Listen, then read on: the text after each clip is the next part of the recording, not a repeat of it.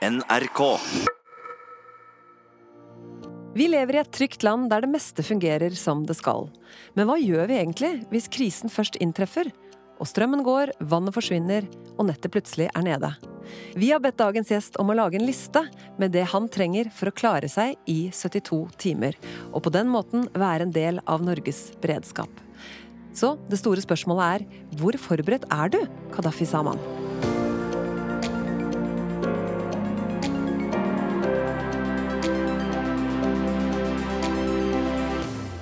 Velkommen til 72 timer, en podkast med Marte Slokstad og Knut Folkestad. Dagens gjest, TV 2-reporter Kadafi Saman. Jeg vil tro det her er noe du har tenkt på før? Altså, ikke så mye for 10-15 år siden, for å være helt ærlig, men etter å ha reist en del og også sett på en måte utviklinga i Europa nå, så har det blitt mer og mer aktuelt. Nå føler jeg at jeg har det litt mer i bakhuet. Man tenker for eksempel på ja, hvor er nærmeste tilfluktsrom? Det har jeg ikke tenkt på tidligere. Nå er det i tankene, også ting som man bør ha hjemme. Eh, og det er nok på grunn av at man ser nye konflikter oppstå.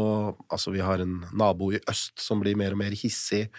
Og så har det jo vært fra myndighetenes side òg at man bør tenke litt mer på beredskap enn det vi har gjort. Dette gjorde man jo kanskje under kalde krigen, så lå jo dette inne hos alle. Og så har ja, vi som er oppvokst i en tid uten noen særlige problemer, har ikke tenkt på det på samme måte. Men har det blitt sånn at når du er ute og går på Karl Johan eller andre steder i Norge, at du ser etter tilfluktsrom? Ja, jeg, jeg, jeg, jeg lagde en sak om det, jeg lagde en sak om det for noen år siden, ja. og etter det så har jeg blitt litt der, ja. For uh, nå syns jeg det er litt sånn spennende. Og, og, da ser man jo også fra myndighetenes side, så driver de jo nå og skal ruste opp tilfluktsrom. De har jo støva ned nå i mange, mange år. Så dette er jo noe som ja, blir mer og mer aktuelt, da. Mm. Så fra å være bomberom til å ha vært innom en periode med sånn, eh, brukte ungdomsklubb og bordtennisbord og sånn, så er det faktisk blitt aktuelt igjen, mener du? Ja, altså det virker jo som at det er en stor utredning på gang, og dette vil jo koste penger. Og så er jo myndighetene ute, sånn som denne kampanjen med ting du bør ha i hjemmet. Det har jeg heller ikke tenkt på før. Så ja. Vi skal da... gå gjennom den lista di litt seinere, for du har laget en liste med ting du mener du og dine trenger for å greie dere i 72 timer. Men du nevnte med sånn tilfluktsrom at du syns det er spennende. For der kommer kanskje reporteren eh, mer inn. Mange vil jo da blitt engstelige. Har du noe engstelse i forhold til dette i deg? Nei, eh, egentlig ikke, men jeg tenker jo klart at hvis noe skulle skje, så må man jo plutselig både være privatperson og, og klare seg sjøl og ja, hjelpe familien, men så må man jo kanskje på jobb òg, midt oppi det. Så um, jeg har nok en sånn reporterberedskap også, da, i tillegg til å ha en egen beredskap. Men da er det jo interessant med deg, Kadafi, som da har denne eh, jobben som reporter i TV 2. Er det noen situasjoner du har vært oppe i der du på um, en måte har følt helt på kroppen at nå er du i en beredskapssituasjon? Hva har det gjort med deg? Nei, jeg har jo rykka, for eksempel, reist på kort varsel, eh, på noen minutters varsel til mange steder i verden, og der har det jo vært, ja, det er ikke noe strøm, det er ikke noe vann. Tsunami, for eksempel, vi var i Banda Aceh i Indonesia. 250 000 døde mennesker. Og da er man jo midt oppe i en situasjon hvor du faktisk ser eh, hva slags ødeleggelser eksempel en naturkatastrofe kan gjøre. Flom, jordskjelv og terror. Så når man kommer tilbake igjen, så gjør det noe med en og hodet. Eh, ikke sant? Eh, alt fra bygninger, hvor solide er de, til hva har man av vann, hva gjør man når strømmen blir borte, varme klær Alt sånt man blir jo litt prega, kanskje, etter å ha sett disse katastrofene på nært hold, da. Men uh, lager du da en liste som du har uh, i jobbsammenheng også, når du skal inn i disse katastrofeområdene, for eksempel? Noen ganger, så, noen ganger så har man jo tid til å pakke. Andre ganger så har man jo ikke det.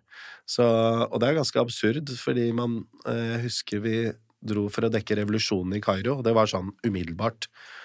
Og det første jeg leita etter da vi landa i Kairo, var hårgelé. Det er ganske sånn uh, spesielt, ikke sant? Mens andre steder så er det første man leiter etter, er, er vann og mat og Red Bull husker jeg vi leita etter i, i, Indonesia for å få litt uh, energi. Så har det jo vært situasjoner hvor man plutselig blir veldig dårlig i magen, og da ja, våtservietter er noe du ikke skal undervurdere. Det er for eksempel gull verdt uh, i en situasjon. Så ja, gjennom årene så har jeg nok eh, i hodet mitt en liste over ting som er handy. Nå var jeg i Pakistan, og da var det plutselig ble det voldelig, og da var det et skjerf som kom veldig til gode. Så lista mi er ganske lang, egentlig, vil jeg si. Mm. Det betyr at du kan være på et hotellrom, og så må du basere de eh, neste timene på det du finner i min minibaren? Og pute og dyne og Ja, ja, det har jo skjedd. Jeg husker vi, vi tømte minibaren eh, Jeg husker ikke hvilket land det var. Veldig bra, veldig bra, uttrykk å bruke. Vi tømte minibaren. Ja, ja. Så ja da, man må jo bruke det man har. Mm. Men fortell om dette skjerfet. Du var inne på episoden eh, Nei, 13. skjerfet, juli. Ja, det var eh, i Pakistan, hvor jeg ble angrepet av pakistansk politi. Satt inne i en bil, og de begynte å knuse rutene med køller.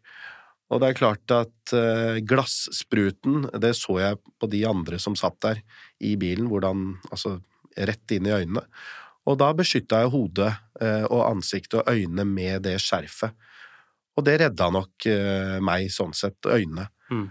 og det var bevisst, altså på forhånd hadde jeg tenkt at ja, ja, kanskje tåregass eller et eller annet, og da kan skjerf være handy. Men eh, Så det var, det var smart.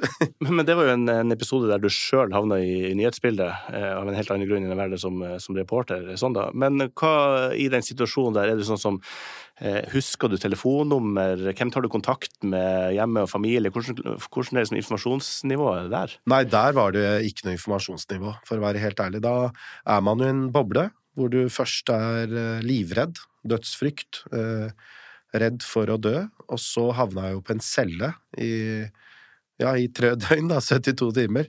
Og da er man jo livredd for uh, hvor lenge skal du bli her, uh, Kadafi Saman, ikke sant. Så da er det en annen type frykt. Og så kommer du ut, og kroppen er full av adrenalin, og du er egentlig forbanna.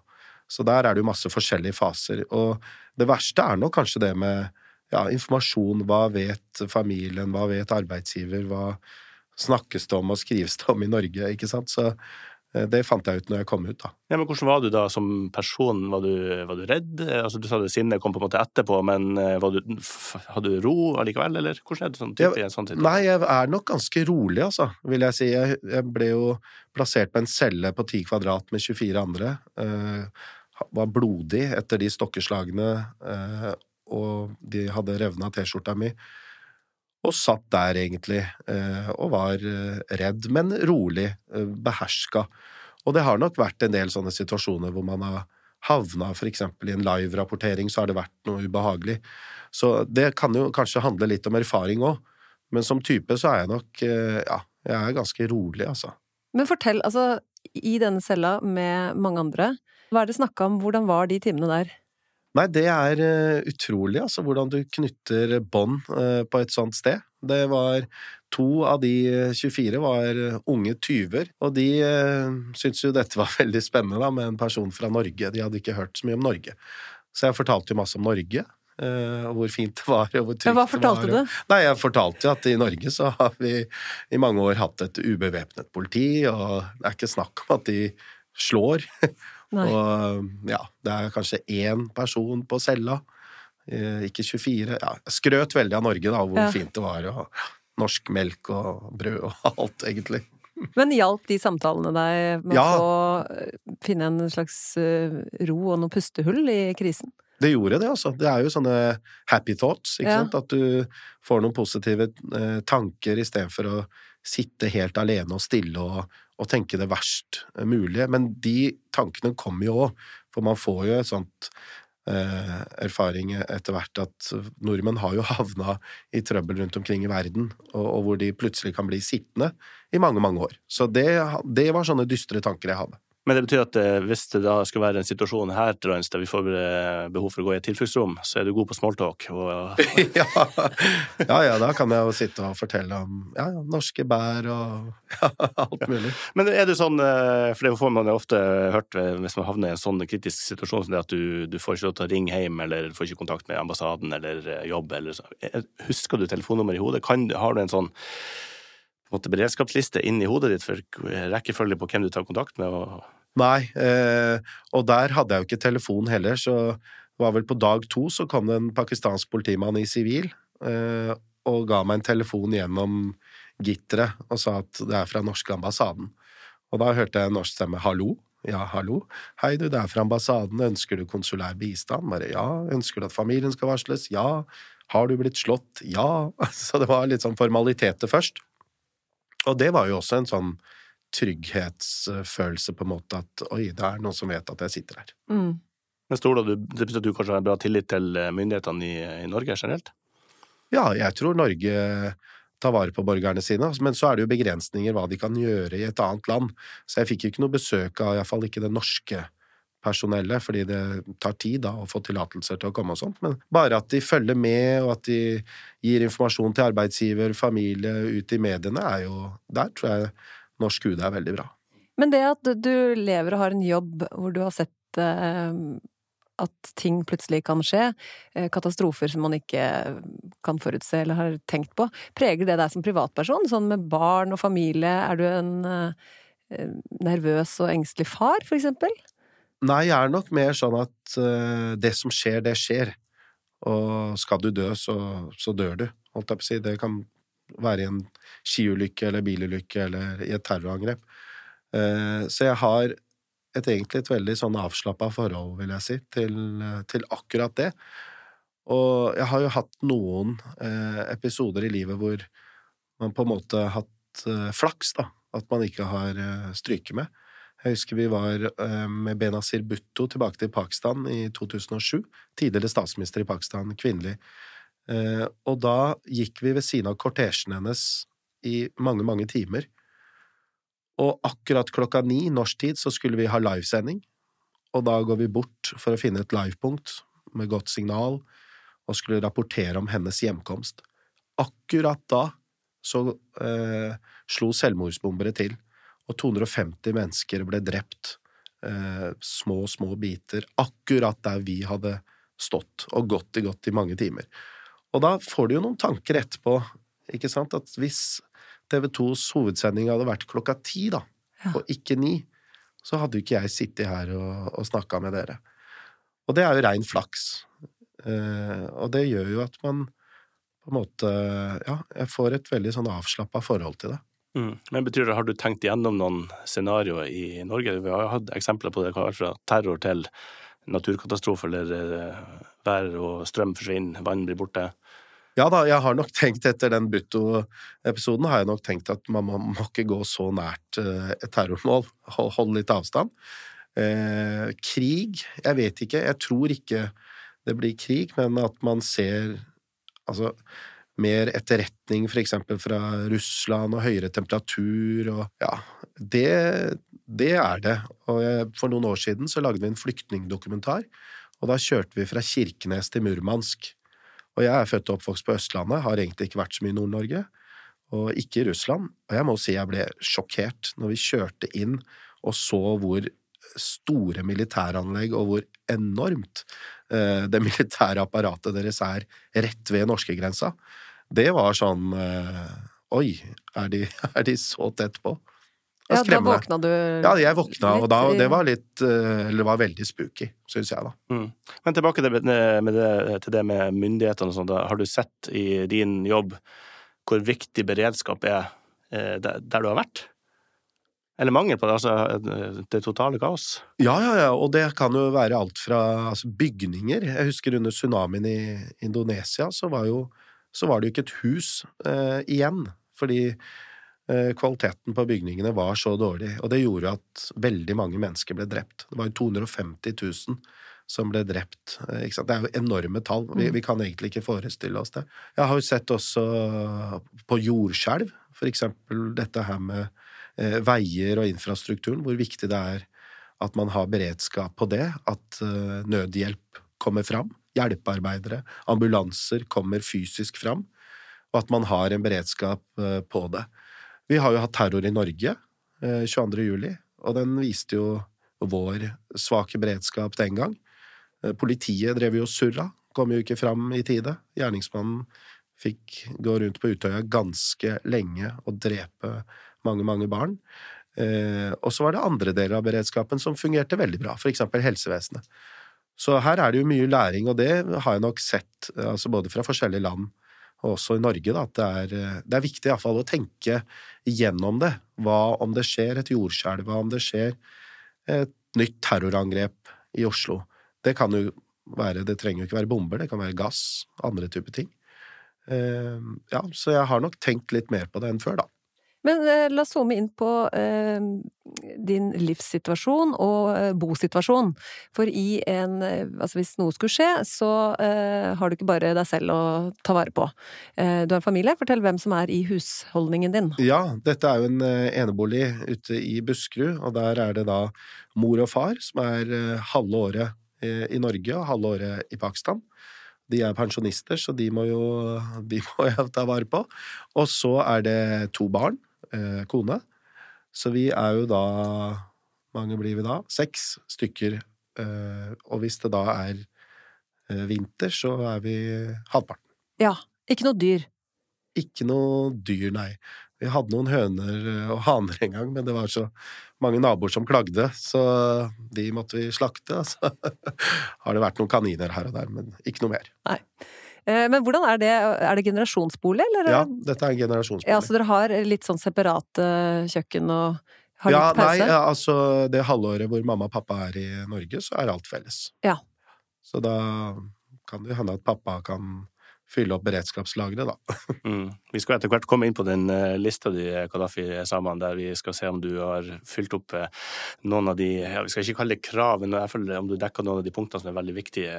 Men da eh, er det noe eh, i det huset, hjemmet ditt, allerede nå, som på en måte gjør at du eh, føler trygg på at de neste 72 timene hvis noe skulle skje, så går det greit å være der. Ja, jeg tror det er mye, mye der, men eh, ikke alt. Altså, hvis si strømmen skulle gå, da, så tror jeg man blir ganske handikappa. Men du har en vedom eller sånne ting som kan eh, Ja skape litt varme? Ja da. Eh, Problemet er nok at mye er ute i uh, garasjen og noe på loft og ja, ting er der hvor man ikke vet uh, hvor det er, da. Du har ikke helt oversikt. Har ikke det, altså. Er du en rotete type? Eh, ja, kanskje. Litt sånn eh, ad hoc. Hvis jeg sier 'jeg har eh, slått meg på fingeren, kan du finne et plaster til meg', så vet du ikke helt hvor Jo da, det er? førstehjelpsutstyret vet jeg hvor Ok, det har du ja, på plass. Det, det har jeg koll på.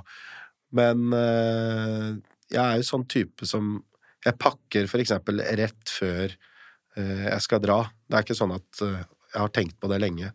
Denne lista som jeg har fått beskjed om å, å laget lagde jeg også rett før jeg kom. Så jeg er nok litt sånn eh, spontan. Ja, når du skal på ferie, er det nesten ta med seg bærepose? Altså er det sånn, da tar jeg med en badeshorts, og så er jeg klar? Ja, noen ganger har det vært litt sånn, ja. Men som type, da, er du en, en ledertype? Er du en som går i front? Det vil være naturlig at det er du som eh, sørger for at det som faktisk står på lista di her, blir kjøpt inn og ordnet opp, eller kan du delegere? Jeg kan nok delegere til min far, så tenker jeg. Eller be broren min kjøpe og så, så det Ja, jeg er nok litt sånn. Vet du hvor ting er? da? Altså, vi nevnte plaster kanskje men type brannslukningsapparat og Ja, det tror jeg er på kjøkkenet. Håper jeg. Men har du sikkerhet i boligen? Er du sånn, har du alarmer? Er du nøye på sånne ting? Ja. Ja. Det, det er bra. Ja, det er bra dekt. Mm. Vi skal snart eh, gå gjennom eh, lista, Knut. Ja, veldig spent blanding av eh, håndskrevne notater som hver journalist skal ha, ser jeg Kadafi, og så har du også litt eh, skrevet opp på noen eh, punkter, så vi skal straks gjøre oss klare til å se på den.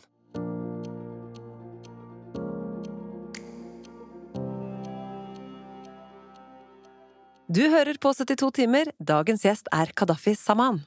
Kadafi Saman, reporter i TV 2. Vi har jo snakka litt med deg, og eh, regner med at du har på bakgrunn av det vi har snakket om, allerede en ganske bra liste her. Eh, Var det vanskelig å lage en sånn liste over eh, ting du og dine nærmeste må ha eh, i 72 timer? Ja, det var litt sånn eh, blanding av hva må man ha, og hva bør man ha, og ja, hva er kjekt å ha, egentlig. Så det var Ja, det var ikke helt lett. Eh, Vi har jo delt inn i noen punkter som da eh, vi er anbefalt å tenke på. Eh, varme, mat, drikke, hygiene, informasjon, medisiner, førstehjelp. Og så har vi et siste punkt som heter annet, som eh, du har fylt ut ganske greit. Men jeg tenkte vi skal begynne med varme. Eh, for la oss si at strømmen går. Eh, og da har du satt opp multifuel-brenner, kokekar og fyrstikker i plast. Mm. Eh, begrunnelse for det? Nei, fyrstikker i plast er jo fordi at de ikke skal bli våte, da. Holde seg tørre. Smart tenkt. Uh, ja, det Fins var smart tenkt. det i plast? Altså pakka Nei, inn i altså plast. pakka inn i plast. Ja, ja, ja. Ja. Skal man drive og brenne de små Er det litt tre og så plast? Jeg Nei da, at det skal være at de skal brenne. Ja, ikke sant. Jeg skrev Nei, litt feil, da. Stryk den, da. Jeg ser Ja. den nå. Nei da, men eh, fyrstikker pakket inn i plast. Yes. Veldig smart. Men hvorfor ikke bare vanlig lighter, eller eh, Jo da, lighter er sikkert greit, men fyrstikker er jo fyrstikker, da. Ja. Og lighter kan jo gå tom. Men, men så har du ikke fyrstikke eller eh, lighter i hjemmet ditt, så du på en måte har det som liste? Det skulle man nesten tenke at det er Jo, jo, jo, jeg har det, men dette var, nå tenkte jeg at ja, en utfyllende liste, da. Mm. Eh, mye av dette har jeg jo liggende, men eh, problemet er nok at noe er på kjøkkenet, og noe er her, og noe er der. Er du god på å takle kulde? For eksempel hvis det skulle bli et temperaturfall i huset. Nei, så er det men- noen som fortsatt går i shorts, mens andre blir frysepinner. Ja, jeg fryser eh, veldig, så varme klær tror jeg er helt uh, avgjørende for meg. mm. Ulinnerst, eller? Ull innerst. Men eh, multifuel-brenner, altså, da tenkte du på et alternativ til å varme opp mat i tilfelle da strømmen har gått? Ja, Ja. enten på ja, det er vel gass og liksom forskjellige ting. Mm. Eh, Og da kan vi jo bevege oss over på det du skal ha oppi dette kokekaret. Eh, mat. Her har du skrevet, skrevet opp turmat litt generelt, men tenker du da på de små eh, posene man får kjøpt i sportsbutikken? Det gjør jeg, og det har jeg sett eh, Jeg husker vi dekka Flom en gang, og da var den turmaten gull verdt. Og så enkelt. Putta vann oppi, og det var, det var så godt òg. Jeg lurer på om det var ja, norsk elgkjøtt eller hva det var, men det var helt fantastisk. Ja, for du får jo ganske mange forskjellige varianter. Ja, ja, ja, og han fotografen, kollega Åge Aune, hadde med det. Og vi spiste det i flere dager. Det var Ja, ja. Det holdt oss oppe. Men eh, med tanke på hermetikk og sånt, har du allerede nå mat i eh, din umiddelbare nærhet hjemme som vil tåle holdbarhet langt fram? Altså, har du mye tørrmat og Ja da, det er en del, og, og jeg satte opp eh, makrell i tomat. Det er spesielt av hensyn til min far, som forteller at da han kom til Norge, så var det ikke så mye krydder, og ja, det var veldig lite eksotisk mat. Ja. Så de eh, spiste stort sett makrell i tomat. Det syns de var det nærmeste man kom eh, pakistansk mat. Så det er for, for han, da. Og det liker han fremdeles å ha på brødskiva? Eller Ja, ja, ja. spiser han det rett ut av boksen? han spiser rett ut fra boksen òg, og digger det. Du har noen eh, punkter her eh, som er i grenseland mellom eh, kos og energidekkende Melkesjokolade, mandler og dadler, ser jeg her. Dadler er eh, Det lærte jeg faktisk her om dagen. Jeg møtte noen arabere som fortalte om hvor mye energi eh, det var i dadler, og, og han ene mente jo at han bare kunne spise dadler i flere dager og, og fungere fantastisk. Men sklir det ikke fort gjennom kroppen? Er det ikke noe at det er litt lakserende, eller er det Det, det, det sa han ikke noe om, Nei. for å si det sånn, så det får vi jo teste ut. Det var min magefølelse. Bokstavelig talt. Og tørka kjøtt står også på, på lista di her. Det var eh, rett før jeg kom hit, så møtte jeg en eh, samisk kollega som eh, sa at tørka kjøtt er veldig viktig, og så hadde jeg skrevet kniv, og det korrigerte han til samekniv. Og jeg spesifiserte det, ja. Ja, så det, det var innspill fra han. Og så går vi over på å drikke. Det er jo viktig for å holde oss eh, oppegående. Der har du vann, cola, whisky og kamelmelk. Eh, Vi kan starte med det siste. En god cocktail, det der. Ja. Kamelmelk. Kamelmelk er veldig proteinrikt. Eh, Det lærte jeg også faktisk her om dagen. Så derfor er det med. Men har du smakt det? Ja, ja, ja. ja. Men hvor har du fått kjøpt det? Nei, altså, du får kjøpt det på innvandrerbutikker i Oslo. Men Hvordan smaker det?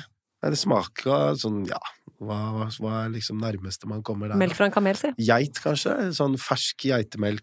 eh, Ja, det er ikke noe godt, da. Nei, men jeg ser for meg at kamelmelk kan holde seg i månedsvis og likevel smake det samme som om den var tilnærmet fersk. Like vondt, det. ja, det, ja. det er fordelen. Ja. Men du, med, med tanke på vann, da. Eh, hvor mye vann ser du for deg at eh, du og din husstand faktisk eh, trenger eh, hvis dere skal klare dere uten eh, ren- rennende vann i 72 timer? Det tror jeg må ta mest plass. Det er nok vannet, for det er jo kjempeviktig. Eh, og nå må jeg innrømme at ikke jeg vet hvor mange liter per dag eh, man vil trenge, men det er jo en del.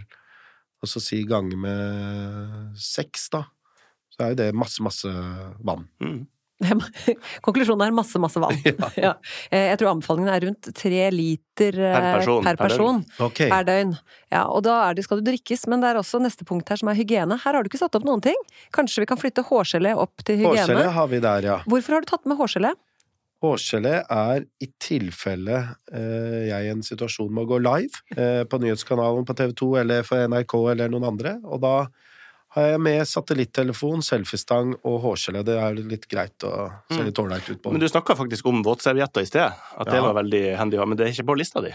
Nei, det vet du hva, det har jeg glemt. Den skal jeg, not det skal jeg notere med en gang, for det Har har jeg, Kadafi sammen opp penna si og skriv på lista. Det- Veldig bra. fikk jeg bruk for en gang. Da tar du med det i toalettmappa. Men jeg har faktisk lest eh, på forhånd her at eh, det å ha en god daglig hygiene i forkant av en eventuell beredskapssituasjon faktisk er du kan gå, Det er lettere å gå 72 timer uten å dusje hvis du nettopp har gjort det, enn hvis det var ei uke siden sist du tok en dusj. Også for liksom eh, atmosfæren i rommet, da. Hvis du skal være sammen med folk over tid, så er det jo greit å, Ja, å ha ei lita serviett på lur. burde kanskje hatt noe deodorant her òg, da. Ja, Sleng det med. Medisiner og førstehjelp.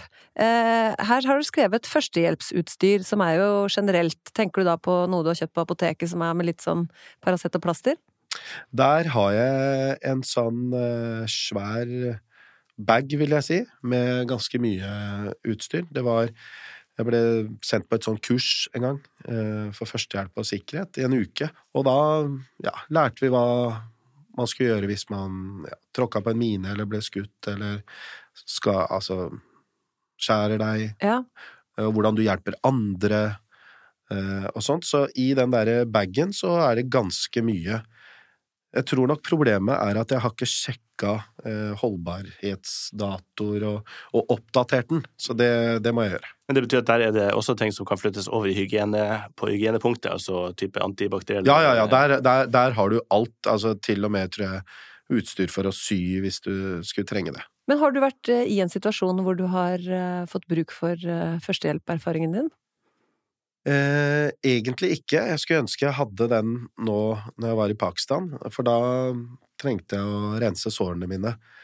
Eh, men da hadde jeg ingenting. Men du fikk ikke noe heller? Altså, du står med sår Ja, åpne sår, fikk ingenting, og turte ikke å sette meg heller på, på gulvet eller sitte inntil veggen, for jeg var ja, livredd for infeksjon. Ja. Så det med førstehjelpsutstyr og bandasjer og desinfisering og alt sånt, det tror jeg er, helt, det er kjempeviktig. Mm. Men eh, det kan jeg også spørre om, eh, uten at det trenger å bli for privat eller eh, familiært, men er det folk i familien som er avhengig av medisiner, for eksempel, eller så enkelt noe som briller eller linser? Ja, ja. Ja, det må ja, jeg tenke på. Så foreldrene mine, de, de er jo hjertepasienter og sukkersyke, så det, insulin og sånt Skriv opp, skriv opp. Det må jeg skrive opp, faktisk. Det var bra.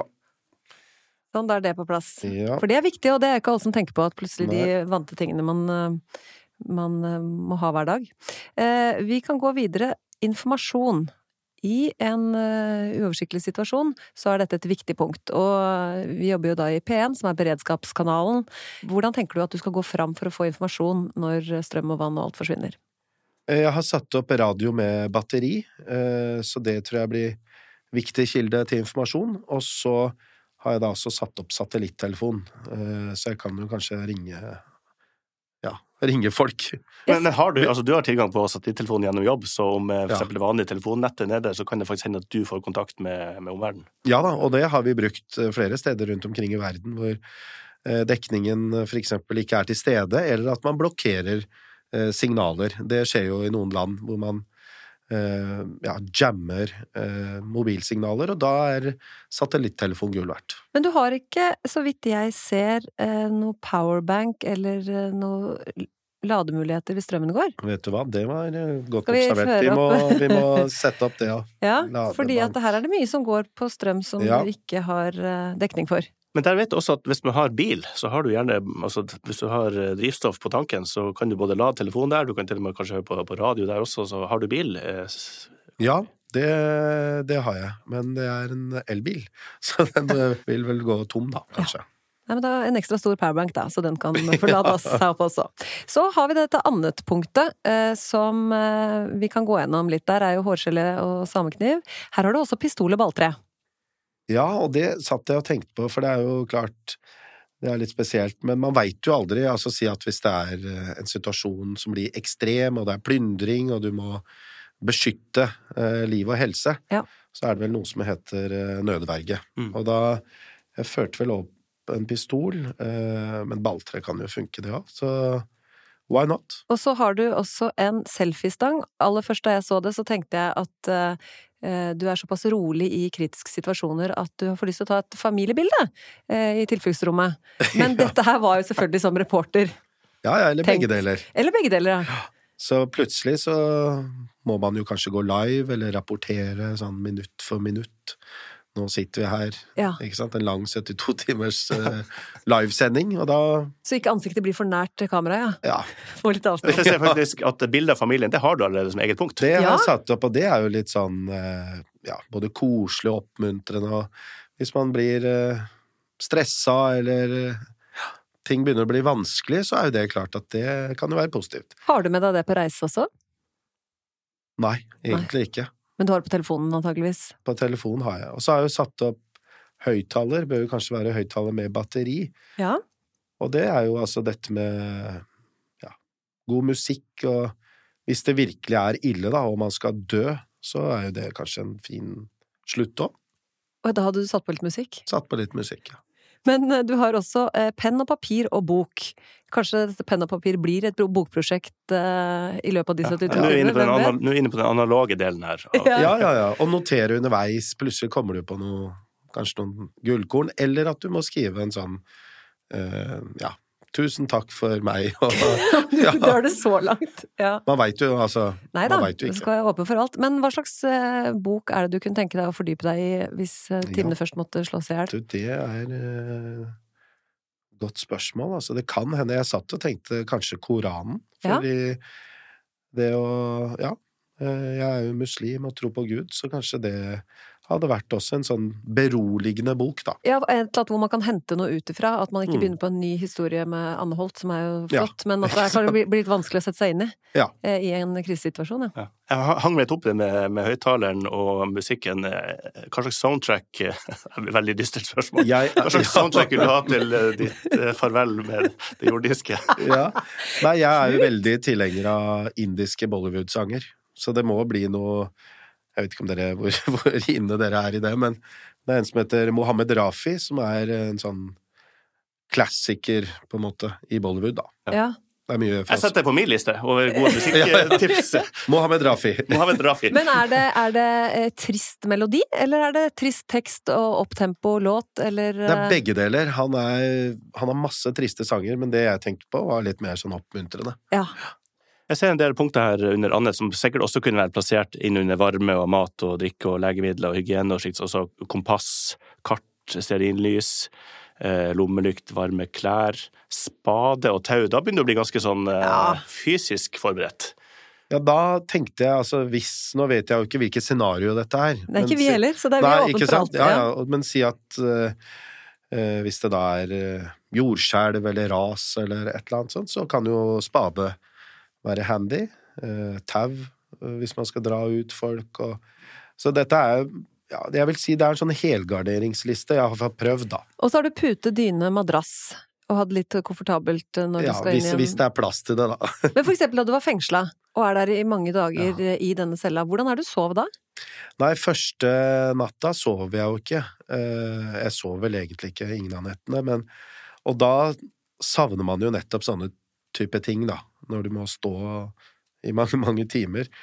Eh, Så der fikk jeg faktisk eh, Ja, jeg setter, veldig pris på, på madrass og pute og dyne etter det Mm. oppholdet. Det er jo faktisk noe som jeg tenker sjøl. I vårt trygge samfunn så kan man jo faktisk ta seg sjøl i at det ligger litt for trangt med barn og folk på ei hytte. Og tenk, da tenker jeg faktisk, tenk på de som er på flukt, Ja. og som ligger ligge så trangt og bære et barn på armen eller ha ansvaret for en hel familie.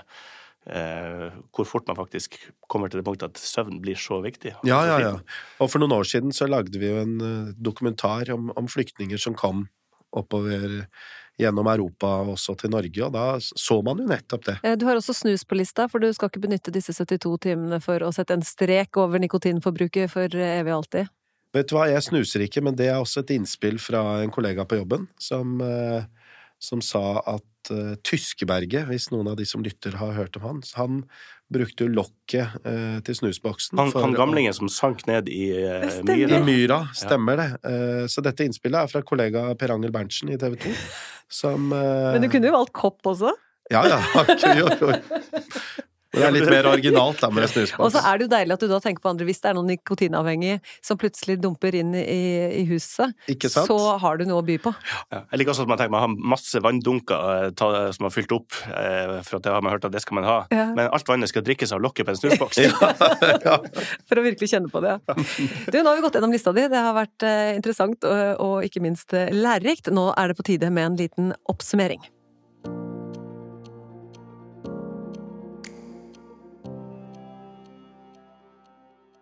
Du hører på 72 timer. Vil du lære mer om egenberedskap, besøk sikkerhverdag.no. Og til å oppsummere beredskapsplanen din, Kadafi Saman, så har vi Harald Rasmussen eh, her fra eh, Direktoratet for samfunnssikkerhet og beredskap. Det var jo en ganske bra eh, liste Kadafi hadde her. Absolutt. Eh, en veldig interessant liste. Jeg syns den er eh, eksotisk òg.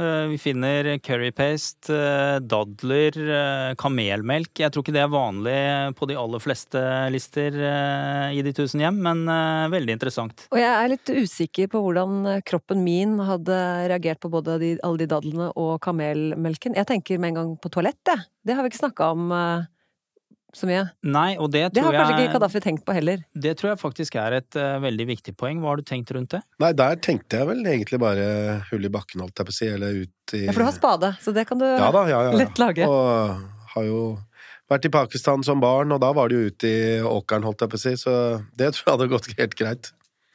Bra. Jeg syns jo også samtalen her bærer preg av at vi, vi møter både privatpersonen, men også den profesjonelle reporteren eh, i tankegangen rundt denne listen. Eh, Du virker alltid beredt. Eh, Og jeg eh, håper at du er i landet når den store krisa rammer, for å si det sånn. Det var hyggelig. Men Eh. eh, så hadde du også eh, kompass, for eksempel. Det var noen speidertendenser eh, eh, inni her. Kan du bruke kom kompass? Vet du hva, der må jeg være helt ærlig, det har jeg ikke gjort siden eh, skolen, når vi hadde orientering, så der trenger jeg nok eh, repetisjon. Ja. Jeg tror nok også når det gjelder en sånn ting som multifuel-brenneren for eksempel, som du setter opp her, at eh, det er fint å kjøpe en sånn og ha hjemme og ha drivstoffet, men man må også kunne bruke den eh, hvis krisen rammer. Mm. Så øvelse, det, det må jeg skrive opp. Men har du brukt Du har multifuel-brenner hjemme? Det har jeg, men jeg har ikke brukt det på veldig, veldig lenge. Men er det på grunn av beredskap du har eh, gått i anskaffelse, eller er det tur-Kadafi som har slått Det til? var eh, et ønske om å bli tur-Kadafi, så jeg kjøpte en del utstyr som jeg aldri brukte, egentlig. Ja, du har telt og soveposer og alt egentlig klart? Ja, det har jeg. Aldri Men, brukt? men faren min vet hvordan eh, man skal bruke det, så han eh, kommer jo også til å være i huset, håper jeg, hvis han ikke er i Pakistan, og da kan du jo Han må at han trår til, da. Andre ting på lista som du la merke til, Harald? Ja, så jeg tenker eh, Du sa jo under intervjuet at du er en eh, litt sånn siste liten-type, og er litt usikker på hvor ting er eh, rundt i huset ditt. Eh, Og jeg syns de manglene jeg finner, da, bærer preg av at du, at du laget listen rett før du kom hit. Ved til fyring av huset ditt, for eksempel, eh, har du ikke satt opp. Det er uh, viktig at du har. Mm. Uh, dere var inne på medisiner. Uh, foreldrene dine trenger medisiner. Det er viktig å ha det også klart. Og så var det dette med hygiene, altså våtservietter, som du selv nevnte, men som du glemte å sette på lista. Mm. Så rådet må vel være at du bruker litt lengre tid eh, på å sette opp den listen og tenker deg godt eh, om, så vil jeg tro at vi får en ganske komplett og fin liste fra deg. Det var godt å høre.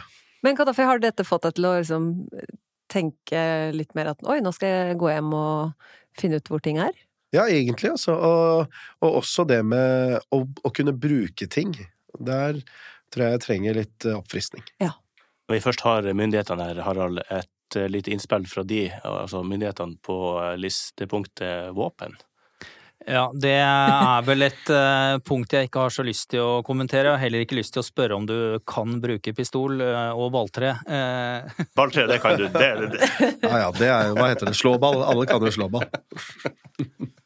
Men summa summarum, altså hvis det skulle eh, skje noe her, altså en eh, beredskapssituasjon der Kadafi Gaddafi og hans nærmeste skal klare seg sjøl i 72 timer, så er det sånn at da håper vi at han er i, eh, i Norge og kan hjelpe oss her, og at han ikke er på jobb i utlandet. absolutt, og jeg vil gjerne ha han i nærheten av meg, hvis det er Jeg mulig. også. Jeg kommer til å dra til Lier. Ja, velkommen. Og tusen takk for at du kom, Kadafi, sammen. Du har hørt på 72 timer med Knut Folkestad og Marte Stokstad. Vil du vite mer om egenberedskap eller trenger tips til hvordan du setter sammen ditt beredskapslager? Besøk sikkerhverdag.no. Sammen er vi forberedt.